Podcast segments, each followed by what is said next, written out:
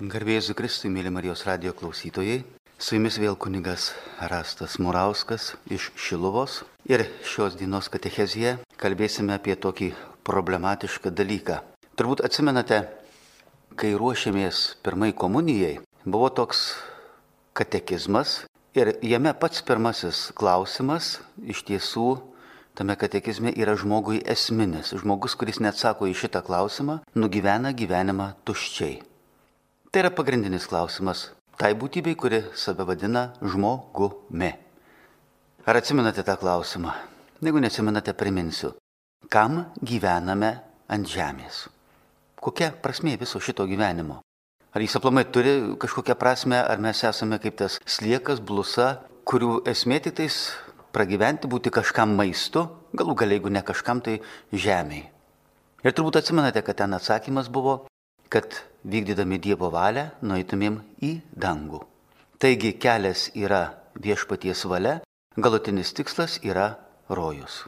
Kaip visą tą dalyką savo gyvenime įvykdyti, ten jau buvo visada tas visas katekizmas, pasiruošimas komunijai, sutvirtinimui ir visi kiti dalykai, net ir šeimai. Yra dabar santokos kursai, kur tu lūkšteni, kaip padaryti, kad galėtum su tuo žmogumi iš tiesų sugyventi ir senatvėje vienas kitam tepti pragulas, keisti pampersus ar nuo vienų kelių ant kitų kelių leisti savo anūkus po žydinčiom obelim. Taigi, kaip padaryti, kad iš tiesų tas gyvenimas mums būtų tai, ką Dievas mums ir davė kaip džiaugsmą. Juk jis norėjo pasidalinti šituo džiaugsmu, sukurdamas kiekvieną iš mūsų.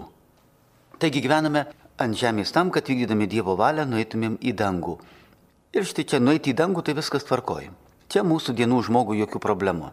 Jie netgi čia žemėje bando kurti jau kažkokius rojaus atspalvius, Jeigu pasiknistumėte internete, ten yra pilna projektų, kaip padaryti žmonės laimingus. Pilna. Tos laimės, kabutėse, pilna televizija, internetas ir visokie kitokie laikrašiai, žurnalai, kur daug šypsenų, daug gražių drabužių, daug atrodo palaimingų veidų ir taip toliau. Tai kaukės. Ne, Dievas nori, kad mes iš tiesų galėtumėm į gyvenimą žvelgti tokį, koks jis iš tikrųjų yra. Tiek į tą jo blogąją pusę, tiek į gerą ir galų galę atrastume, kad Dievo valia yra viena ir vienintelė, kad tu būtum laimingas. Jeigu ir tu nori kartais būti laimingas, tai ko gero šita laida tinka. Susipažinti su Dievo valia. Taigi Dievo troškimas vienintelis, kad tu būtum laimingas. Mes irgi turim tų troškimų, kurie atrodytų mus vestų į laimę. Bet visa bėda, kad mūsų protelis veikia kaip mokslininkai sako, 7, na 10, 12, daugiausiai procentų 15, tai jau čia tu genijus. Na, jeigu turėtum tau 20 procentų veiktų smegenys, tada jau tau būtų čia šitoje žemėje gyventi tragedija. Kodėl? Todėl, kad tu matytum, jog aplinkui tave visi bepročiai. Pasijaustum kaip psichiatriniai ligoniniai. Kur žmonės savo puikybėje, Napoleonai, visokie makedoniečiai, tokie Leonardai da Vinci ir taip toliau suprastum, kad jie tokie nėra, bet žmonės visiškai blaiviai, atrodo normaliai, oriai, įsivaizduoja, kad būtent tokie ir yra. Kur jau ten Sokratui su savo žinau, kad nieko nežinau. Mūsų dienų žmogus žino viską.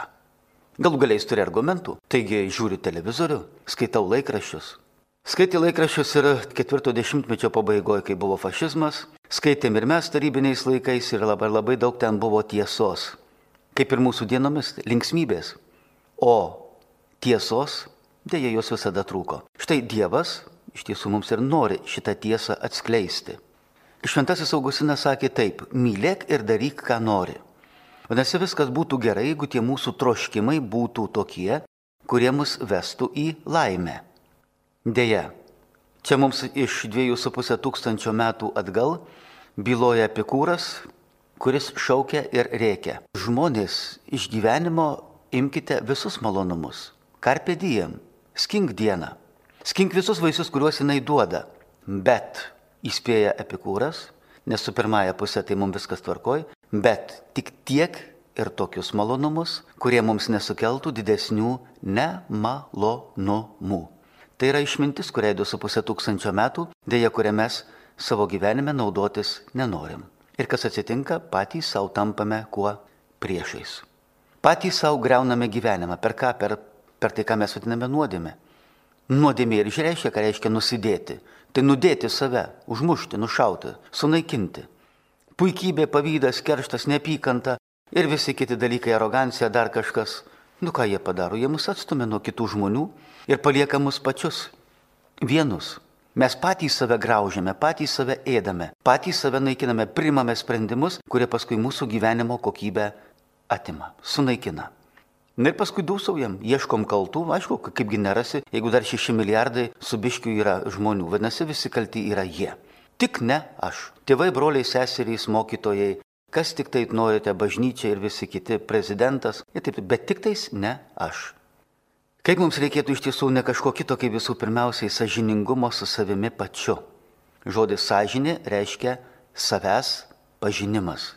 Išdrysti pamatyti save tokį, koks esu. Ir Dievas yra tas objektivus veidrodis, kuris tau leidžia pamatyti tave tokį, koks tu esi. Ne tik tavo įdas, ne tik tavo nuodėmės, ne tik tavo priklausomybės, baimės, kompleksus ir kitus dalykus, bet tuo pačiu ir tavo talentus ir gabumus. Juk čia yra Dievo planas, kad tu išsiskleistum, kad tu atrastum save kaip lobį, kaip Dievo tau pačiam dovana, nes tu gavai save, ateidamas į šitą pasaulį. Ir turi daugybę visokių talentų, kuriais įsiskleidęs galėtum nustebinti ir pasaulį, ir save. Ir džiaugtis. O kai reikės iškeliauti į amžinybę, galėtum tiesiog su šypsena ir šviesa akise ištarti atliktą. Nenuvyliau pats savęs. Buvau vertas savo gyvenimo kančių. Jos nuėjo ne veltui. Ir laiką, ir talentus, ir viską išnaudojau teisingai. Bėda, kai iš tų statybinių medžiagų pastatai kažkokį šlamštą, kurį paskui belieka tik tais nugriauti. Kiek tokių yra sugriautų gyvenimų, kai žmonės iš tiesų, turėdami viską, atrodo, ko tik tais bereikia, kai kurie net ypatingus ir gabumus ir ypatingas galimybės dėja savo gyvenimą sugriovė. Štai dėl to mes ir naudojamės ne kažko kito kaip Dievo valia. Turbūt teko girdėti, kad yra toks dalykas kaip mokykla. Mokytis, ne tik mokytis, dar yra toks dalykas ir pedagogika. Haidos gogein iš graikų kalbos išvertus reiškia vaiko vedimas. Mes kaip sakytume dabar ugdymas. Tačiau iš tiesų yra ne tik tais vaikui perduoti informaciją, bet ir jį vesti per gyvenimą. Tai aišku yra visų pirmiausiai tėvų uždavinys, tačiau kiekvieną iš mūsų per šitą gyvenimą veda Dievas. Žinoma, tiek, kiek mes jam leidžiam. Štai jeigu sportininkas pasitikė savo treneriu, nes jis pirmiausiai norėdamas tapti žvaigždė, norėdamas išsiugdyti, jis pats to niekad nepasieks.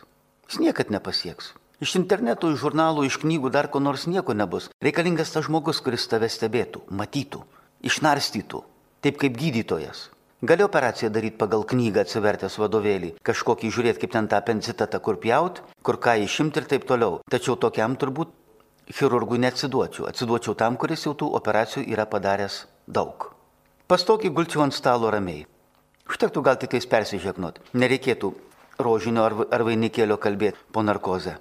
Lygiai taip pat ir mūg norėdamas išmokti groti, ar, ar smūko, ar, ar galų galę tapyti paveikslus, ar dar kažką, man reikalingas mokytojas, kuris stebėtų mane, nurodytų klaidas ir pastebėtų mano gabumus ir talentus, kad aš jų nepražiopsočiau. Jis juos pajus ir sakys, žinai, tavo kryptis yra tokia. Tavo vidinis pasaulis atspindi tai, ko kitas dar niekad, niekad nėra pavaizdavęs. Arba tu su savo raumenim, su visu kuo gali tą ir tą ir tą ir tą. Ir mes darysim iš tave žvaigždę. Tu tai gali. Arba, pažiūrėjau, tau šita sporto šaka netinka, tau tik tu šita. Tu sudėtas tam, tu sutvertas, sukurtas, sunarstytas būtent šitam dalykui. Štai lygiai taip pat ir Dievas, jisgi mus pažįsta, jisgi mus sukūrė. Kiekviena iš mūsų ir, kaip jau minėjau, jo troškimas, kad mes išsiskleistumėm. Kad pamatytumėm, kokį nuostabų šedevrą jis yra suplanavęs suprojektavęs. Štai todėl su autoriumi be abejo eiti per šitą gyvenimą yra pats nuostabiausias dalykas. Todėl, kad jis žino, kaip daryti. Taigi, kodėl Dievo valia? Kodėl? Nes pirmiausias klausimas mūsų dienų žmogui, kuris pilnas puikybės, liberalizmo, laisvė daryti, ką noriu, kaip noriu, su kuo noriu, kaip elgtis ir taip toliau, iškyla tas klausimas. Taigi palauk, jeigu Dievo valia vadinasi viskas, jis mane suvaržys nesuvaržys, nukreips. Argi upiai nereikalinga vaga? O gal nereikalingos šalintos krantus, kas čia per nesąmonės? Duokit man laisvę ir į ką pavirs upė? Pavirs į pelkę. Didelę, bet pelkę. Tik tiek, nebeliks trosrovės, nebeliks žuvų, liks tik tais kas, liks tik tais pūzrai, siurbėlės visokios, dėlės ir, ir be abejo vanduo, kuris netinkamas gerti nei žmonėms, nei gyvuliams, niekam. Pašvinks. Tačiau liūdna, tačiau yra taip. Na gal ten kokiem paukščiukam ar dar kažkokiem gyvūnėliam taip tai bus labai gerai, kaip žuvinto ten tos pelkėse dar kažkas, bet, bet tai jau nebebus upė, kuri teka į jūrą. Tai bus pelkė, kuri puva, uždurpėja, o paskui užauga kažkoks tai miškelis. Taip kaip pas, pas mus irgi Šilovo yra ežero gatvė. Patys suprantat, kad to ežero, jeigu teko būti Šilovoje, nėra, tačiau jis kažkada ten buvo. Gatvės gale ir dabar ten auga beržinėlis. Kur tas ežeras? Jo nebėra. Tuščia. Išnyko. Taip gali atsitikti ir su žmogumi, kuris jau nebetenka tos gyvybės, vandens, nes vanduo yra gyvybė, ir pasidaro pelkė. Štai kodėl Dievo valia. Todėl, kad visų pirmiausiai, todėl, kad Dievas kiekvieną iš mūsų myli. Niekas tavęs šitame gyvenime, nei kažkokiame kitame, nei mylėjo, nei mylės taip, kaip myli Dievas. Kodėl? Todėl, kad tu esi jo vaikas. Tik todėl. Ar tu tai priimsi, ar priimsi jo tą meilę, čia jau priklauso tik nuo tavęs pačio. Ir Dievui visiškai nesvarbu, koks tu buvai. Svarbu, koks tu apsisprendi būti. Štai mes ir matom ir tą gerąjį latrą šalia Jėzaus, ir matom daugybę šventųjų, kurie tikrai buvo nedori, neteisingi, kai kurie net žmogžudžiai ir taip toliau, bet atsivertę ir atidavę save į Dievo rankas, jie tapo šventaisiais, jie tapo kitais žmonėmis. Dievas juos perdarė, perinstaliavo, tą molį perminkė ir tada gavosi nuostabus šedevras. Kai tik tai įsileido, jie, šitie žmonės, Dievui tai šitas stebuklas iš karto ir įvyko. Taigi Dievo valia visų pirmiausiai todėl, kad Dievas mus myli. Jeigu baudžia, tai ir užgydo. Nu, piktoji dvasia ką daro? Piktoji dvasia šeria ir pjauna. Kodėl? Todėl, kad jinai žmogaus neapkenčia. Bet kokio žmogaus. Tai atsakymas ir satanistams, kurie galvoja, kad su piktaja dvasia kažką laimės. Ne. Jeigu jinai duoda ir valdžios, ir pinigų, ir dar kažko, tai tik tam, kad paskui išsirptų žmogaus sielą. Tik tais tam, kad jį padarytų paskui vergu. Ar ne tai pasidaro su, kai žmonės ateina į mafiją, ar ne tai pasidaro, kai jie ateina į narkomaniją. Pradžiai tai taip, tu kietekas, tu esi daug, o paskui kas? O paskui vergas. Adatos vergas. Ar tenai tų visų mafijoje vergas? Anksčiau ar vėliau vis tiek tave nudops, kas svetimi? Ne, savi. Tie, su kuriais tu kartu geriai balevoji, kuriais pasitikėjai ir taip toliau. Nes pas piktąją dvasę draugystės nėra. Jis su nieko nesidalina. Nebent tik tais tiek, kiek reikia tai žuviai pagauti. Aš irgi šeriu žuvis ir užmaunu labai simpatišką slieką tik tam, kad ją pagaučiau. Ir paskui suvalgyčiau. Piktoji dvasia mato lygiai taip pat kiekvieną žmogų. Antras dalykas, kodėl Dievo valia? Todėl, kad, kaip jau minėjau, Dievas tave žino. Žino ir tavo įdas, ir talentus, įdas, kad jas įveikęs galėtum tapti brandesnis, tvirtesnis, na, o talentus tam, kad galėtum šitame brandume ir pažinime jau savimi išmatavęs, o ne iš laikraščių, žurnalų ar kažkokio interneto, jau savo talentais išsiskleisti. Jis autorius. Tai tas, kuris autorius, tai be abejo yra geriausias treneris ir mokytojas. Nuostabu, jeigu tėtis ar mama yra iš tiesų gali tapti mums draugais. Jie yra mūsų pirmieji ir treneriai, ir mokytojai. Jie yra tie pirmieji, kurie mums padeda. Ir jie žino, ko reikia. Kartais mums gali atrodyti, kad tas treneris, pavyzdžiui, koks nors sunkiasvoris atletas ir jam treneris paduoda, įsivaizduokit, šokdynę. Nu, ta, su kuria vaikai tenai šokinėja per virvutę. Tai jis gali įsižeiti, atsiprašau, mano pašaukimas štangos, kam tu man čia tą vaikišką žaislą kiši. Bet treneris žino, kad jam reikia šitam, ne tik tais reikia užpumpuoti nu, šitos raumenis, bet reikia paskui juos ir išlyginti, išskirstyti visą tai. O šokdynė labai gerai tam tinka, ypač kojų raumenim. Dėl to ir kaip, kaip ir senovė, žiūrėkit, būdavo kas. Norėjai tapti filosofu, turėjai studijuoti matematiką. Nu čia dabar. Kam man, jeigu aš noriu būti filosofas, ta matematika? Nu nelogiška, visiškai kažkokia priešinga sritis. Mes ir žiūrim, kad iš tiesų matom daugybę filosofų, iš anų laikų buvo ne kažkas kitas kaip matematikai. Jų buvo daugybė. Ar netgi, sakytumėm, fizikai, dar kažkokie, ten ar tai būtų Archimedas, ar būtų Pitagoras, ar dar ten jų visa aibė. Visi jie buvo matematikai didžiaja dalimi ir tuo pačiu filosofai. Kodėl? O todėl, kad jeigu tu, kad galėtum būti filosofas, turėjai baigti matematiką. Turėjo atsirasti lentynėlės. Šitą pasaulį turėjai pažinti nebe subjektyviai, bet objektyviai. Pažinti šito pasaulio pirmiausiai dėsnius, kaip viskas sudėliota. O nespėlioti ir kurti savo teorijas. Tik pažinęs tai, kas jau yra patirta, kas jau yra tikra, tu galėjai tapti filosofu arba likti kuo sofistu. Sofistai buvo tie, kurie neieškojo tiesos, nes filosofein, Sofija tai reiškia yra išmintis ir filosofas yra tas, kuris myli išmintį. Nu, o sofistas tai yra tas, kuris stengiasi suvartyti taip, kaip reikia. Na, tai mūsų laikų advokatas. Jeigu reikia tave apkaltins, jeigu reikia tave už tą patį išteisins. Lygiai taip pat. Su taip pačiam duomenimis. Tai vadinasi vartyti. Vartyti faktus taip, kad jie susidėliotų, jeigu nori, kad būtų tiesa, jeigu nori, kad būtų melas. Bet tai suprantate, tai jau yra demoniškas dalykas. Tai nėra angeliškas. Tai nebėra tiesa. Tai yra melas. Štai todėl Dievas, žinodamas mūsų įdas ir talentus, būdamas autorius, nori mus per šitą gyvenimą ir vesti. Tačiau pasidary priimti jį kaip mokytoją ir priimti jį kaip trenerį, na jau čia turime mes patys. Turime jam pasakyti tiesiai viešpatie tavo valia. Tai pasakęs sportininkas gali tikėtis, kad užsidės medalį. Taip mokinys pasakęs mokytojui gali tikėtis, kad iš tiesų pasieks tas aukštumas, kurių trokšta.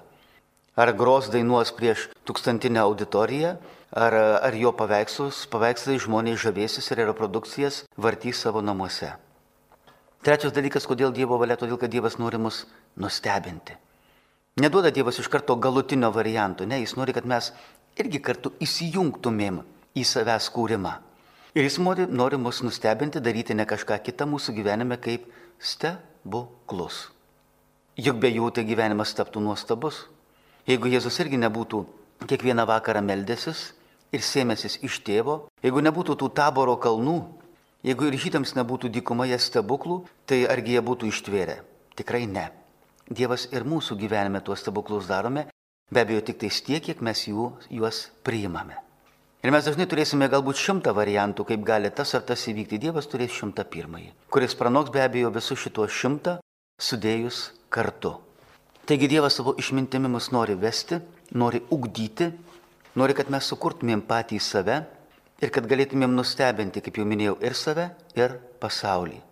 Juk Dievą mylinčiam visada viskas išeis tik į gerą. Taip sakė ir Jobas. Jeigu iš Dievo priimame gerą, kodėl neturėtumėm priimti ir blogą? Jeigu iš trenerio priimame pagirimus, kodėl neturėtumėm priimti ir jo pabarimų arba jo kritikos? Turime priimti. Ir žiūrėkit, kai, jeigu teko kada stebėti, kaip žaidžia krepši, krepšininkai, Per pertraukėlę ten treneris būna kartais apsiputojęs. Šaukia reikia ant tų savo sportininkų. Aiškina zyzę. Tačiau kai laimi medalį, jie visi švytinčiais veidais, ką daro, jį mėto į viršų. Iškelkim galbūt mes irgi kartais rankas į tą, kuris mus myli besąlygiškai, kaip jau minėjau, trokšta tik vieno, kad mes būtumėm laimingi. Dar vienas dalykas, kodėl, kodėl Dievo valia. Todėl, kad Dievas turi tą galę perkeisti mūsų kančią ir padaryti ją vertingą. Mūsų gyvenimo mėšlą gali supūdyti ir paversti jį trašą. Jeigu ne, tada šitas rūkštus mėšlas mumis sugraužia. Deja yra taip. Na, o pati svarbiausias, pats svarbiausias dalykas, kodėl Dievo valia. Tai yra toks atsakymas. Būtų gerai, kad įsiklausytumėt. Dievas mūsų gyvenime priima tik tokius sprendimus, kokius tu ir pats priimtum, jeigu tik galėtum į save pasižiūrėti iš amžinybės, esantį čia ir dabar. Taigi Dievas mums neprimeta savo valios. Ne. Mes ją galime priimti. Ir tai bus išmintis pasitikėti tuo, kuris mus myli. Nes kai būsime amžinybėje, pamatysim, kad Dievas priimė tik tais pačius geriausius, optimaliausius sprendimus mums mūsų gyvenime. Kaip gerai, kad tada nereikėtų savo spardyti užpakalio, kad štai tada nepaklausiau, nepriemiau, buvo pilnas puikybės ir sakiau Dievui ne. Kaip dabar tą Dievo valią atpažinti, kaip ją suprasti, kaip priimti, mes kalbėsime po trumpos muzikinės pertraukėlės.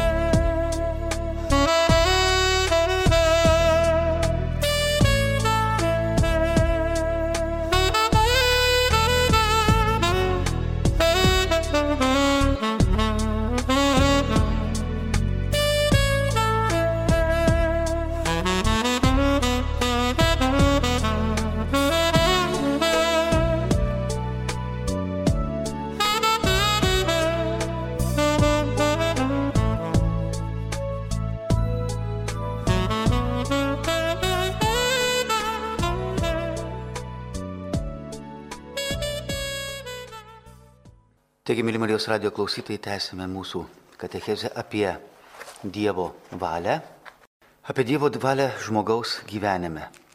Dievas nori ne žmogaus aukų, jo darbų, maldų ar dar kažko, bet jo pačio. Jis nori, kaip padaryti, kad ir tu žmogau atrastum, kad ne pinigai, ne darbas, ne šeima, ne dar kažkokie, bet Dievas yra galutinis tavo troškimas.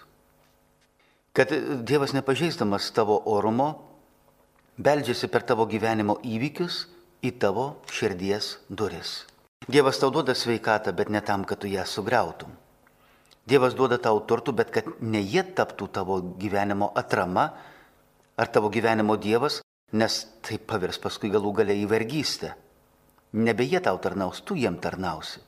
Dievas duoda tau namus, bet ne tam, kad tu juos gražintamas prarastum savo sveikatą arba visą laisvalaikį, kurį galėjai praleisti su šeima, su vaikais, su artimaisiais arba savo pomėgiams, bet kad vergautum tam namui. Dievas tau duoda artimus žmonės, bet ne tam, kad jie paskui taptų tavo stabais, kad jie taptų tavo dievais. Nes jie visgi yra kūriniai. Be abejo, tada, kai nusivili šitai pasirinkęs, kad tavo gyvenimo tikslas ir tavo dievas, tavo galutinis pagrindas yra būtent šitie dalykai, tada paskui nusivili ir ateina depresija, liūdėsys, neviltis ir visokie kitokie dalykai. Kaipgi atpažinti tą Dievo valią? savo gyvenime. Na visų pirmiausia yra Dievo apreikšta valia. Tai yra šventas raštas. Skaitai ir klausaisi, semiesi iš tos knygos, kurią, pavyzdžiui, tokie žydai jau naudojasi beveik netoli 4000 metų, ir semiesi tos išminties. Tengi ir politika, ir ekonomija, ir, ir filosofija, ir tarpusavio santykiai, ir šeimos, viskas ten yra sudėta. Netgi medicinos gabalas. Netgi genetika ir ta tenai yra įkišta.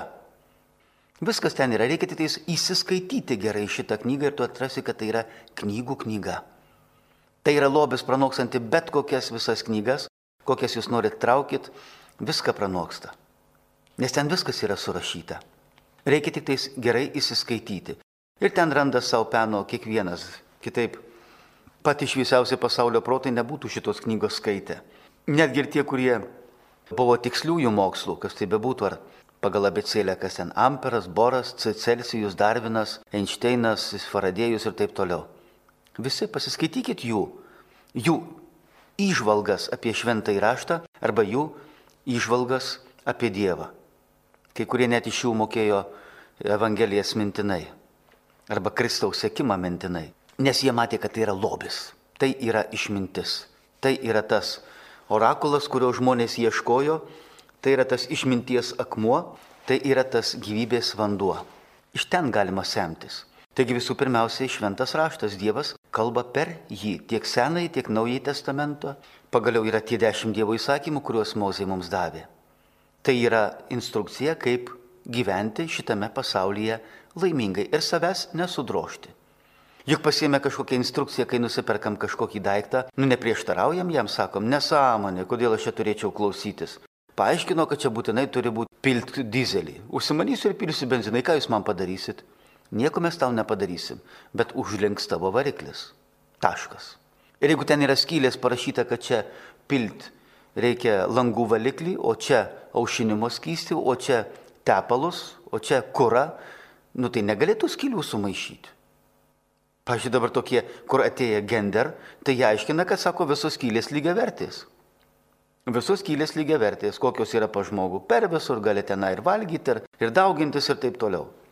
Atsiprašau, Dievas visgi sukūrė tą tvarką ir prieštarauti šitai jo sukurtai tvarkai, netgi ir tai tiem dešimt Dievo įsakymų ar dar kažkam, yra lygiai taip pat kvaila, kaip prieštarauti, pavyzdžiui, kosmologiniams dėsniams.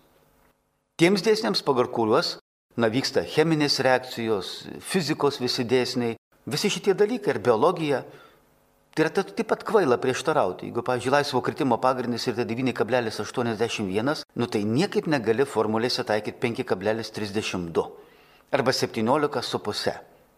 Yra taip ir viskas, tai yra Žemės planeta ir jos laisvo kritimo pagreitis yra toks. Taškas. Nesvarbu, kas bus valdžioje konservatoriai, liberalai, kokia bus ideologija, fašizmas, komunizmas ar dar kažkas, Nuo to laisvo kritimo pagreitis nesikeičia. Tai, ką pasakė Dievas, visiškai nesikeičia nuo to, ką žmogaus protelis tie 7 ar 5 procentai su, suresgė. Visiškai nesikeičia. Taip yra, buvo ir bus. Skaitykim istorijos pamokas. Nepasimaukim dešimtą kartą ant to pačio grėblio. Išėję iš namų. Taukšti galvą, taukšti, taukšti, taukšti. Tai visą gyvenimą daužysim Nu gal laikas būtų pradėti mokytis, nes išmintis tai yra kas logika sujungta su patirtimi. Štai šitos logikos tai čia pilna. Ir internete, ir, ir televizijoje, ir, ir universitetuose, ir visur kitur. O išmintis, kaip iš tiesų visa tai veikia. Gal išdrįskim būti protingi. Taip sakė senovės filosofai. Lotynų sentencija taip ir saudė, sako, audė saperė, žmogau, išdrįsk būti protingas. Išdrįsk pasimti tą patirtį, kurią turėjo kitų, praeitų kartų žmonės, nekartok tų pačių klaidų. Nes išmintingas žmogus semėsi iš svetimų klaidų. Bet tik tais paskutinis kvailys mokosi iš savo, eina vėl išradinė viską iš naujo. Renka kakučius nuo žemės, kišai burnai ragauja ir sako, fui kaka, nem nem skanu. Taigi būti protingu reikia drąsos. Taigi apreikštoji visų pirmiausiai valia. Antras dalykas, Simonės nuo senovės žinojo, kad kad galėtum atpažinti Dievo valią, kad smegenis sujautrinti, tai nereikia kažkokį kokainą maukti, nereikia kažkokių, kažkokių, kažkokių kitų chemikalų. Ne. Žmonės kaip tik naudodavo, žinot ką, pasniką. Pasniką ir maldą. Pasnikas ir malda. Nuostabus dalykas. Pasnikas labai prablaivina, tada visas kraujas nukeliauja nebe į skrandį, bet keliauja į smegenis ir taupiai keliauja į smegenis, nes visų pirmiausiai ten reikalingas medžiagos, kad jos sukurtų kelią, kuriuo būtų galima rasti maisto. Na, jeigu taip jau primityviai, gyvuliškai, na, žiūrint, pagal gyvą, gyvą būtybę. Štai dėl to žmonės ir naudodavo pasninką ir, žinot, protas prašviesėja. Iš tiesų prašviesėja. Praskaidrėja. Ir tada jau ta atsiranda jautrumas ir tada jau gali pasiknisęs po gyvenimo įvykius atpažinti, kas yra kas? Na ir be abejo malda. Ką reiškia malda? Vadinasi, pasijungi prie Dievo išminties. Prie tos bibliotekos, kurioje yra visi atsakymai. Uždyka. Gali pasijungti. Prie to, kuris interneto, interneto galimybės pranoksta milijardus kartų. Ten yra visi atsakymai. Ir jie yra tikri. Kiekvienas iš jų. Štai dėl to žmonės ir naudodavo meditaciją, skaitydavo šventą raštą, paskui padėję ar knygą, ar šventųjų gyvenimą, ar dar skaitydavo visus tuos ir padėdavo paskui ir sėdėdavo ir mąstydavo. Laukdavo, kaip Dievas nušvies, kaip Dievas parodys, ką Dievas atsakys į jo problemą. Be abejo, patys turbūt suprantam, kad kiekvieno žmogaus gyvenime abejonė yra nuolatinis dalykas. Kodėl? Na normalu, kai tik protas pradeda veikti, tu staiga supranti, kad jis yra per silpnas suvokti visą šitame pasaulyje vykstančius įvykius. Nu, tas yra tiesa, veikia, nu kiek, kaip jau ir minėjau, ten tie mūsų nelaimingi 7, 8, 9, galbūt 10 procentų daugiausiai, kiekvieno galbūt 5, o tas, kuris sako, kad žinau viską, ko gero gal tas vienas tik tais procentas veikia. Nežinomybė ir abejonė buvo visų šventųjų palidovė. Bet būtent tai juos ir padarė, esančius silpnus, jų silpnume padarė kokius klausiančius ir besiklausančius ko Dievo. Štai tada ta išmintis į juos ir ateidavo, jie būdami silpni tada priimdavo Dievo galybę, kurią paskui jau galėdavo dalintis ar darydami stebuklus, arba rašydami tas knygas, tas įžvalgas, kuriomis jau paskui mes remiamės. Jie buvo silpni. Tačiau būtent šitame jų silpnume ir apsireikždavo Dievo galybė. Todėl, kad tada jie tapdavo jų ego tapdavo mažiukas, tada atsirasdavo Dievui daugiau vietos. O jeigu mano ego užima visą mane, tai ten niekam nebėra vietos. Nei Dievui, nei mokytojams, kasgi mane gali pamokyti, jeigu aš pats jau esu Dievas. Be abejo, kad ne. Mes turbūt labai dažnai matome, kad Dievo valia mūsų gyvenime, nu, mums tikrai kartais nesuvokiama.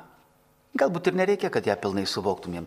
Taip kaip ir sportininkas galbūt ne visada viską suvokia, ar, ar tas mokinys, kodėl mokytojas priima tokius ar vienokius ar kitokius sprendimus. Mums kartais atrodytų, kad anai būtų geriau, šitai būtų nuostabiau. Nu tikrai būtų šitai, bet pasitikim juo, pasitikim besąlygiškai. Ir kartais matom gyvenime, kad mūsų Dievas vedė kažkokiais tai sunkiais keliais, per kančią. Taip, kančia yra nuotolatinė žmogaus palidovė, jinai netgi yra tikrai to žodžio prasme neišvengiama bet kokio žmogaus gyvenime, nepriklausomai nuo ideologijos, nuo įsitikinimų, nuo politikos ar dar nuo ko nors. Tačiau jeigu atiduodi ją į Dievo rankas, tada jinai tampa kryptinga ir jinai tampa tada naudinga. Ir mes matom, kad daugybė yra žmonių, kurie būtent šitaip gyvenime tokias patirtis ir turėjo. Ar tai būtų knygoje stipriau už neapykantą, Timo Genaro gyvenimas, ar daugybė šventųjų, kurių kančia buvo irgi nuolatinė palydovė. Tačiau jinai juos su Dievo galybė brandino ir darė stiprius. Jinai gilino jų pažinimą. Ta atsivėrusi žemė, suskeldėjusi, kartais perdžiuvusi, atverdavo ir tada jau giliai galėdavo priimti Dievo malonių lietų tada jau lietus subėgdavo giliai. Na, o jeigu paviršiui žemė perdžiūvus, mes žinom, kad lietus tada ką jinai daro, lietus nubėga. Paviršiumi tiesiog nubėga. Bet kai žemė atsiveria ir suskeldėja, tada jinai jau gali giliai sugerti. Čia būtų galima pasakoti daugybę jums istorijų, visokių, net ir iš savo gyvenimo, ir iš kitų žmonių gyvenimų, iš šventųjų patirčių, kur tiesiog parodo, koks yra Dievo valios slėpingumas. Tačiau galbūt tai padarysime kada kitą kartą. O šiandien Pabaigai, kaip atpažinti Dievo valią. Septyni punktai. Pirmas, kaip jau ir minėjau, tai yra ne kažkas kitas, šventas raštas. Antras dalykas, ką apie tai šituo jūsų problemos klausimu kalba bažnyčios mokymas, šventųjų gyvenimai, jų įžvalgos. Trečias dalykas, tai žmogaus protas. Ką kalba jūsų protas? Juk jis jums duotas. Turime ir juo pasikliauti, tačiau, kaip jau minėjau, ketvirtas punktas būtų sąžinė. Išdrysti savo protu, matyti ir priimti tą tiesą. Juk mes pajėgėme atskirti, kas yra gera, kas yra bloga, tiesa, netiesa, supuvusio obolio nevalgom, imam tą, kuris yra sveikas. Kiek mes turime savo gyvenimo patirties, tiek išdrįskime būti sąžiningi patys su savim. Paskui Penktas dalykas tai būtų ne kažkas kitas kaip situacija ir aplinkybės. Vienoje situacijoje pasielgsime vienaip, kitoje situacijoje kitaip. Štai pavyzdžiui, vokti yra gerai ar blogai. Nu be abejo, absoliučiaja prasme yra blogai vokti, pasisavinti kito žmogaus daiktą.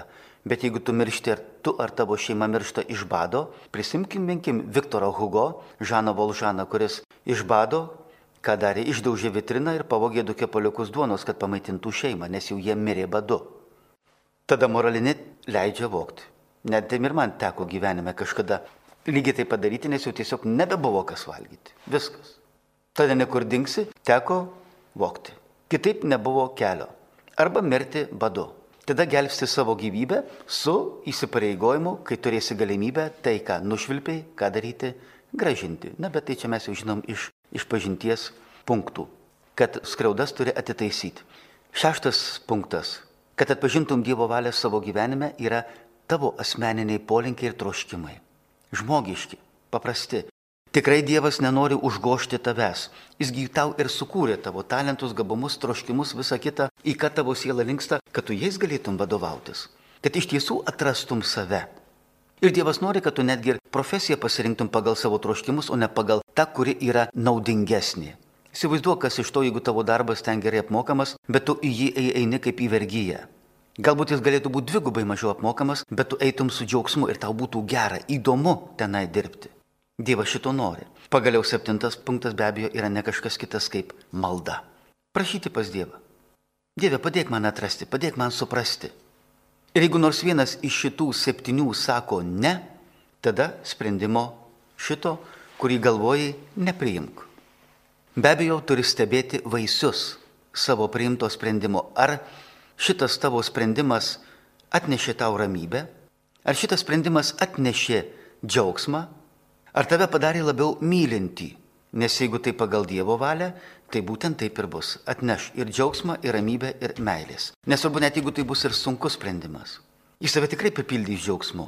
Bet jeigu ne, vadinasi tai ne iš Dievo. Be abejo, Dievas trokšta, kad žmogus būtų laimingas ir, kaip jau sakiau, priima tik tokius sprendimus, kuriuos tu ir pats priimtum. Ir žinot, Šventas Augustinas yra pasakęs taip, yra dvi rūšys žmonių, kurie Dievui sakė, te esie tavo valia, o kiti sakė, te esie mano valia. Ir ką Dievas pasako žmogui po mirties, jis ištaria žmogui tuos pačius žodžius. Tris žodžius. Te esie tavo valia.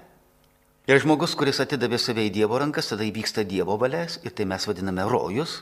O žmonės, kurie sakė tiesie mano valia, įvyksta tai, ką jie patys susikūrė. Ir kaip dažnai tai būna ne kažkas kitas kaip pragaras. Todėl prašykime pas Dievą to nuolankumo, to nusižeminimo, kad iš tiesų galėtumėm priimti Jo valią. Nes Jo valia vienintelė, kad mes būtumėm laimingi. Sakau Jums su Dievu iki kitų susitikimų kalbėjo Šiluvos klebonas kunigas Erastas Murauskas.